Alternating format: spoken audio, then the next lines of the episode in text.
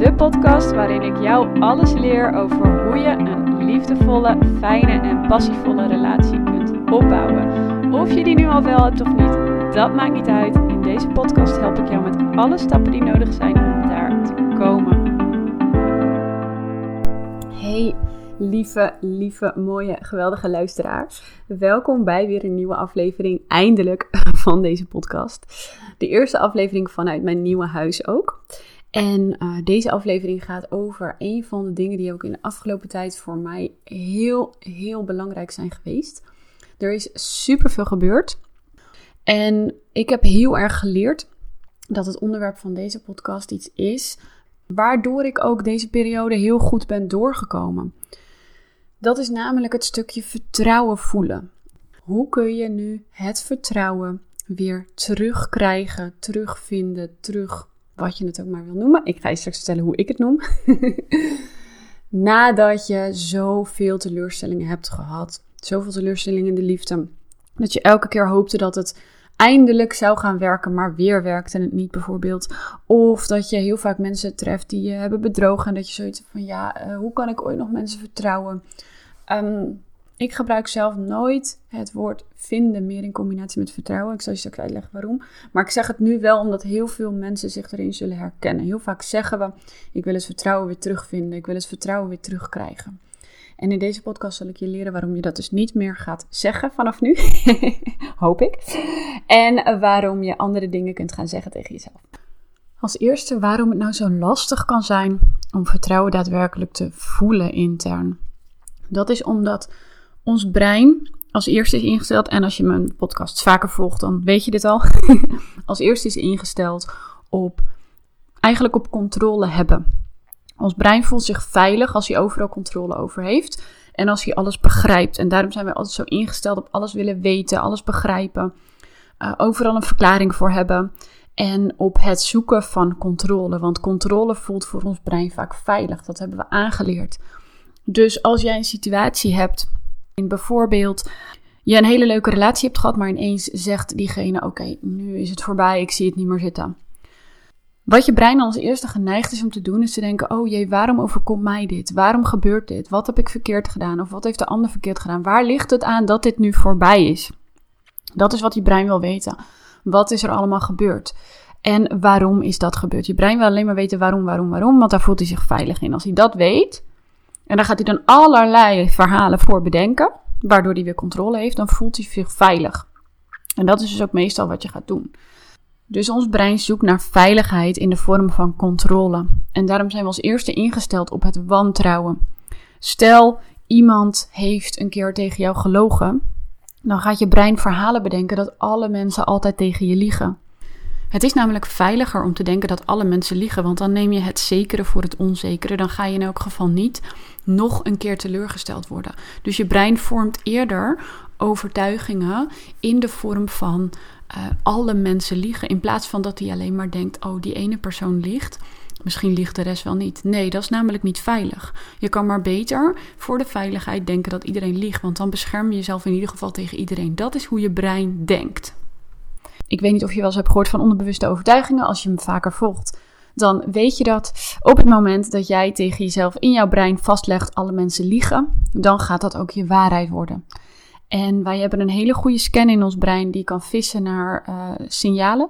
En als jij gelooft alle mensen liegen, dan denkt je brein: oké, dit moeten we waarmaken. Dus we gaan alleen nog maar contact leggen met mensen die liegen. Of wij gaan uitlokken dat mensen liegen. En wij hebben zoiets dat heet micro-expressie. En ik ga er niet al te ver op in, maar aan micro-expressie kunnen wij zien of iemand liegt of niet. En op het moment dat wij geloven dat alle mensen liegen, dan gaan we micro-expressie scannen.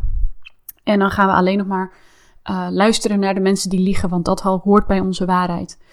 Dus dat is eventjes een hele omweg, maar dat is hoe je brein werkt. En op het moment dat jij dus zo'n overtuiging hebt gecreëerd aan de hand van één gebeurtenis, alle mensen liegen, dan is het ook lastig om nog mensen te gaan vertrouwen. Want jij gelooft dat ze liegen en je brein gaat op zoek naar mensen die liegen. Dus jouw waarheid wordt continu weer bevestigd, want dat is wat je brein ook wil, want daar voelt hij zich veilig in. Dus jij gaat alleen nog maar meer geloven dat mensen niet te vertrouwen zijn. Je gaat alleen nog maar extra in de controledrang. En het is zo'n cirkeltje waar je niet uit kunt breken als je je niet bewust wordt. Vandaar dus ook Onder andere deze podcast. Om je daarvan bewust te worden van hoe gek je brein dus eigenlijk kan werken. En hoe jouw brein je dus ook echt soort van voor de gek kan houden. Dat niemand te vertrouwen is. Hetzelfde is met die relatie die ineens over is, waar jij dan allerlei verklaringen voor probeert te vinden. Je brein gaat een verklaring zoeken. En een van die verklaringen kan zijn: uh, ik ben niet gemaakt voor liefde. Of uh, ik ben niet goed genoeg voor liefde. Of alle mannen zijn toch klootzakken. Of uh, alle mannen bedriegen. Of alle mannen gaan uiteindelijk weg als ik me openstel. Of wat er dan ook maar gebeurde. De echte verklaring heb je misschien niet eens, maar je brein die verzint wel iets op de, de kennis die je nu hebt. En dat wordt je nieuwe waarheid. En op het moment dat dat je nieuwe waarheid wordt, ga je het ook keer op keer opnieuw creëren. Dus stel jouw nieuwe waarheid wordt: ik ben niet gemaakt voor liefde, ga je keer op keer opnieuw die waarheid ook creëren, dat je niet gemaakt bent voor liefde. Dus waarom is het zo lastig? Dat is omdat het een cirkeltje is. Ons brein is ingesteld op controle. Dat gaat hij de hele tijd lopen zoeken. En daardoor ga je dus allerlei nieuwe dingen creëren, waardoor je nog meer ja, bewijzen vindt die horen bij die waarheid. Vertrouwen is niet iets wat je zomaar gaat vinden. Vertrouwen is niet iets wat je zomaar gaat krijgen. Wat ons brein ons vertelt, of wat we vaak leren, is van ja, laat anderen zich eerst maar bewijzen en dan ga ik je wel vertrouwen. Laat eerst maar alles goed gebeuren en dan kijk ik wel of ik weer ga vertrouwen. Laat eerst maar zorgen dat, hè, dat alle mannen weer leuk tegen me doen. En dan vertrouw ik wel. Alleen het punt is, als je eventjes terugkijkt naar hoe jouw brein dus reageert op dit soort dingen, dat dat niet gaat gebeuren. Het gaat niet in die volgorde gebeuren.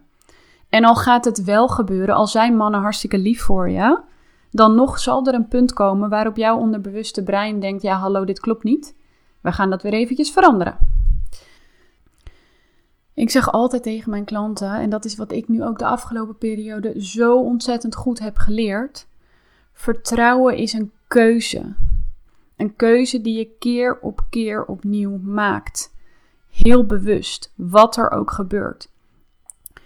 Ik ga je nu kort iets vertellen over wat er de afgelopen periode bij mij is gebeurd. Mijn relatie is beëindigd. Althans, wij hebben ervoor gekozen om uit elkaar te gaan. Om de reden dat wij iets anders uit het leven willen halen. Ik wil geen kinderen. En mijn ex-geliefde wil wel heel graag kinderen en een gezin. Dat is echt zijn droom. En mijn droom ligt heel ergens anders. Nu hebben we een tijdje onze kop in het zand gestoken. Daarom omdat we zo verliefd op elkaar waren. Omdat het allemaal zo leuk en geweldig was. En ook omdat we nog heel veel lessen met elkaar te leren hadden. Die we samen wilden leren. Die ook geweldig mooi zijn. En ik heb zoveel geleerd over liefde dankzij hem. Daar ben ik hem super dankbaar voor. Maar uiteindelijk zie ik het niet als liefde als je om die reden bij elkaar blijft. Als je alleen maar bij elkaar blijft omdat het gevoel zo fijn is, terwijl je ergens diep van binnen in je kern iets heel anders uit het leven wil halen. Dus mijn allergrootste les hierin was mezelf losmaken van die attachment van bij elkaar moeten zijn. Liefde staat bij mij niet gelijk aan het bij elkaar moeten zijn. Liefde voor de ander was in dit geval loslaten van de ander, zodat hij zijn droom achterna kan gaan en zodat ik mijn droom achterna kan gaan. Natuurlijk zit hier een heel proces aan vast wat we allemaal door zijn gegaan. Ehm, misschien ga ik er nog een keer een podcast over wijden, wie weet. maar voor nu was een van mijn belangrijkste lessen vertrouwen. Want weet je hoe erg ik in wantrouwen heb gezeten aan het begin? Van gaat het wel goed komen? Ik heb een bedrijf over liefde. Ehm, ik wil dit gevoel niet kwijt. Ga ik het ooit wel terugvinden? Al die gedachten kwamen allemaal in mijn brein op. En natuurlijk kwamen er heel veel emoties bij kijken. Want ja, ik heb nog nooit zo'n hechte band met iemand gecreëerd en dan ga je dat loslaten. Dat vindt ons brein super eng, want dat wordt heel onveilig, onbekend. Um, er kan allerlei oordeel aan vasthangen van iedereen om me heen. Dus het was voor mij een heel onbekend gebied waar ik in zou gaan. Iets wat ik allemaal, wat we jarenlang hadden opgebouwd samen, ga je ineens loslaten. Ik heb echt heel veel emotie gehad, een nieuw level van eenzaamheid gevoeld. Eh, maar het was precies wat ik moest voelen, want nu voelde ik ook echt weer wat mijn klanten voelden. En daardoor voelde ik ook echt weer van, hé, hey, dit is echt een hele mooie les en hier zitten zoveel mooie dingen in. Wat ik heb gedaan is echt die emotie dus toelaten. Maar elke keer in die emotie kun je twee keuzes maken. Je kunt kiezen om inderdaad helemaal mee te gaan met die controledrang. Voelen van waarom, moest, waarom is het gebeurd? Waarom overkomt mij dit? Wat heb ik verkeerd gedaan? Wat heb ik niet gezien? Uh, en ik ga nooit meer iets vinden. En ik ga mannen opgeven. En, uh, al die dingen hebben mijn brein allemaal echt wel aangekaart. Van joh, blijf maar lekker alleen, want dat is veilig. En hoef je dit niet meer te voelen, bla bla. En ik kon ervoor kiezen om mee te gaan in die verhalen. Wat je echt geneigd bent om te doen, hè? want ook ik was geneigd om dat te doen. Maar ik had het bewustzijn en ik wist, nee, ik kan elke keer dat ik die emotie voel twee kanten op. En ik kan ook de andere kant op. Ik kan ook kiezen dat deze emotie en het toelaten ervan exact is wat nodig is om naar een volgend level te gaan.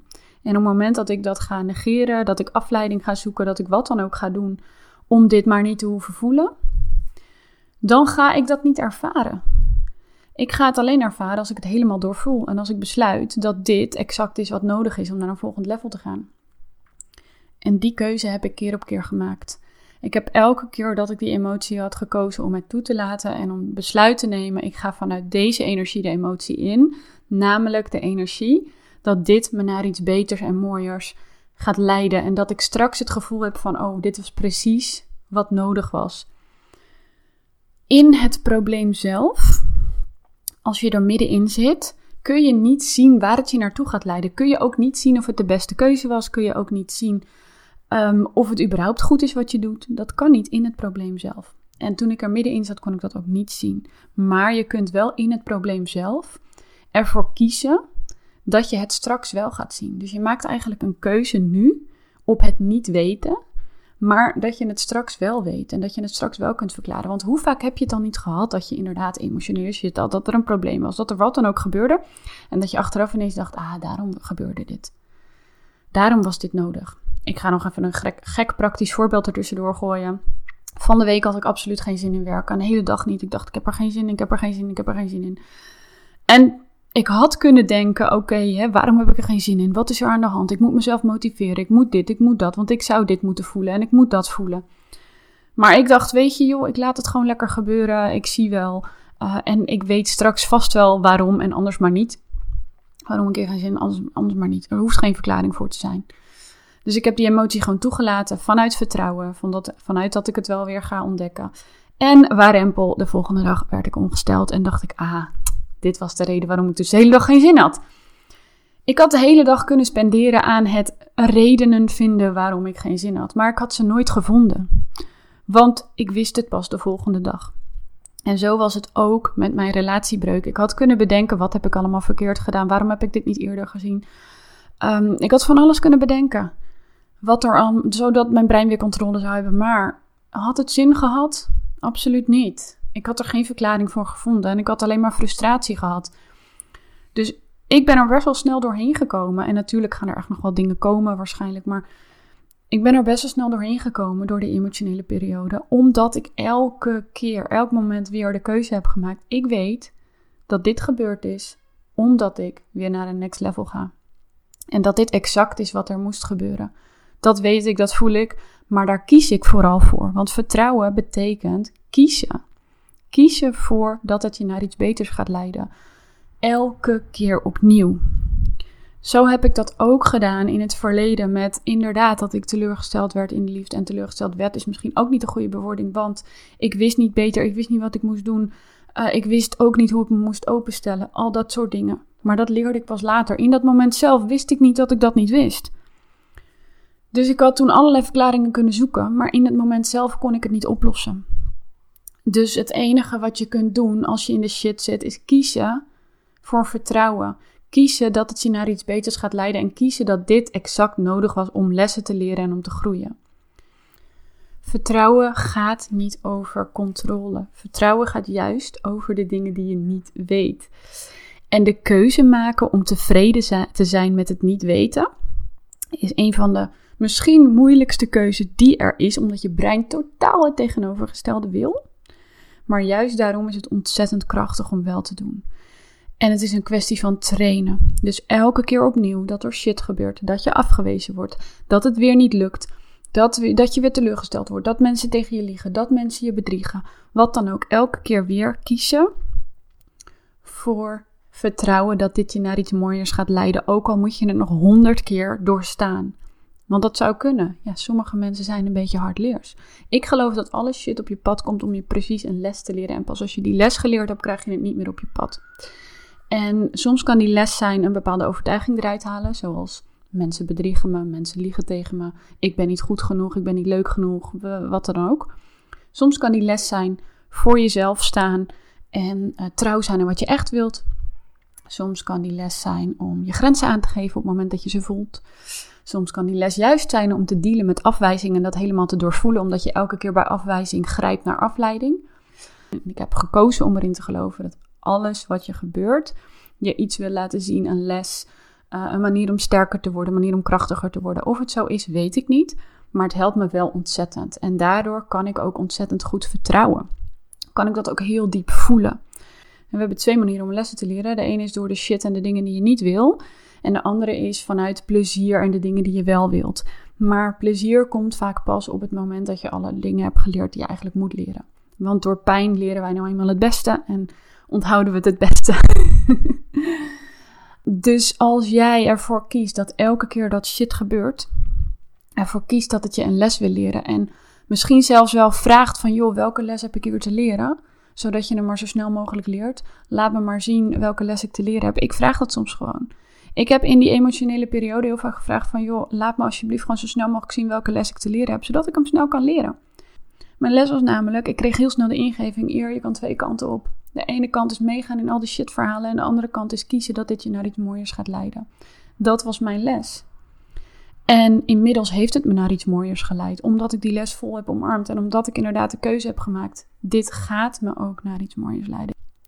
Ik heb besloten dat het een les was en besloten dat ik die les ging omarmen en besloten dat het me naar iets mooiers zou leiden. En dat is dus ook gebeurd. En soms heb je nog honderd keer hetzelfde nodig, honderd keer dezelfde shit voordat je die les leert. En laat het dan maar zo zijn. Kennelijk zitten er dan nog meer lessen in. Want geloof me, als je die les hebt geleerd, krijg je het niet meer. Daar ben ik het levende bewijs van. Daar zijn mijn klanten het levende bewijs van. Daar ben jij zelf ook vast en zeker op heel veel manieren het levende bewijs van op andere lessen. Omarm die lessen. Dat is de beste manier in mijn ogen om zo snel mogelijk weer dat vertrouwen echt te gaan voelen. Vertrouwen is niet iets wat je ineens krijgt. Vertrouwen is niet een resultaat van gebeurtenissen. Vertrouwen is een keuze die je maakt. Elke keer opnieuw. Jij maakt de keuze om weer opnieuw te vertrouwen. Jij maakt de keuze, het besluit dat dit je naar iets mooiers gaat leiden. En ik weet zeker, hoeveel je ook op je pad krijgt, ga ervan uit, oké, kennelijk mag ik laten zien hoe sterk ik ben. En kennelijk mag ik laten zien dat ik niet ga opgeven, welke shit ik ook krijg. Want je kunt ervoor kiezen om op te geven, maar dan ga je dus nooit de dankbaarheid en de beloning ervaren. En als jij kiest om door te gaan en kiest om te zeggen: joh, dit gaat me naar iets moois leiden. Ik ga het gewoon aan, ik ga het vol omarmen. Ik gooi mezelf erin. Dan ga je straks ook genieten van het resultaat en dat gun ik je. Dus het is niet iets wat vanzelf ontstaat, het is iets wat je kiest. Lieverd, ik hoop dat je hier weer iets aan hebt gehad en dat jij vanaf vandaag de keuze mag maken voor vertrouwen. Heel, heel, heel veel liefde voor jou en ik zie je weer in een volgende aflevering. Dankjewel voor het luisteren.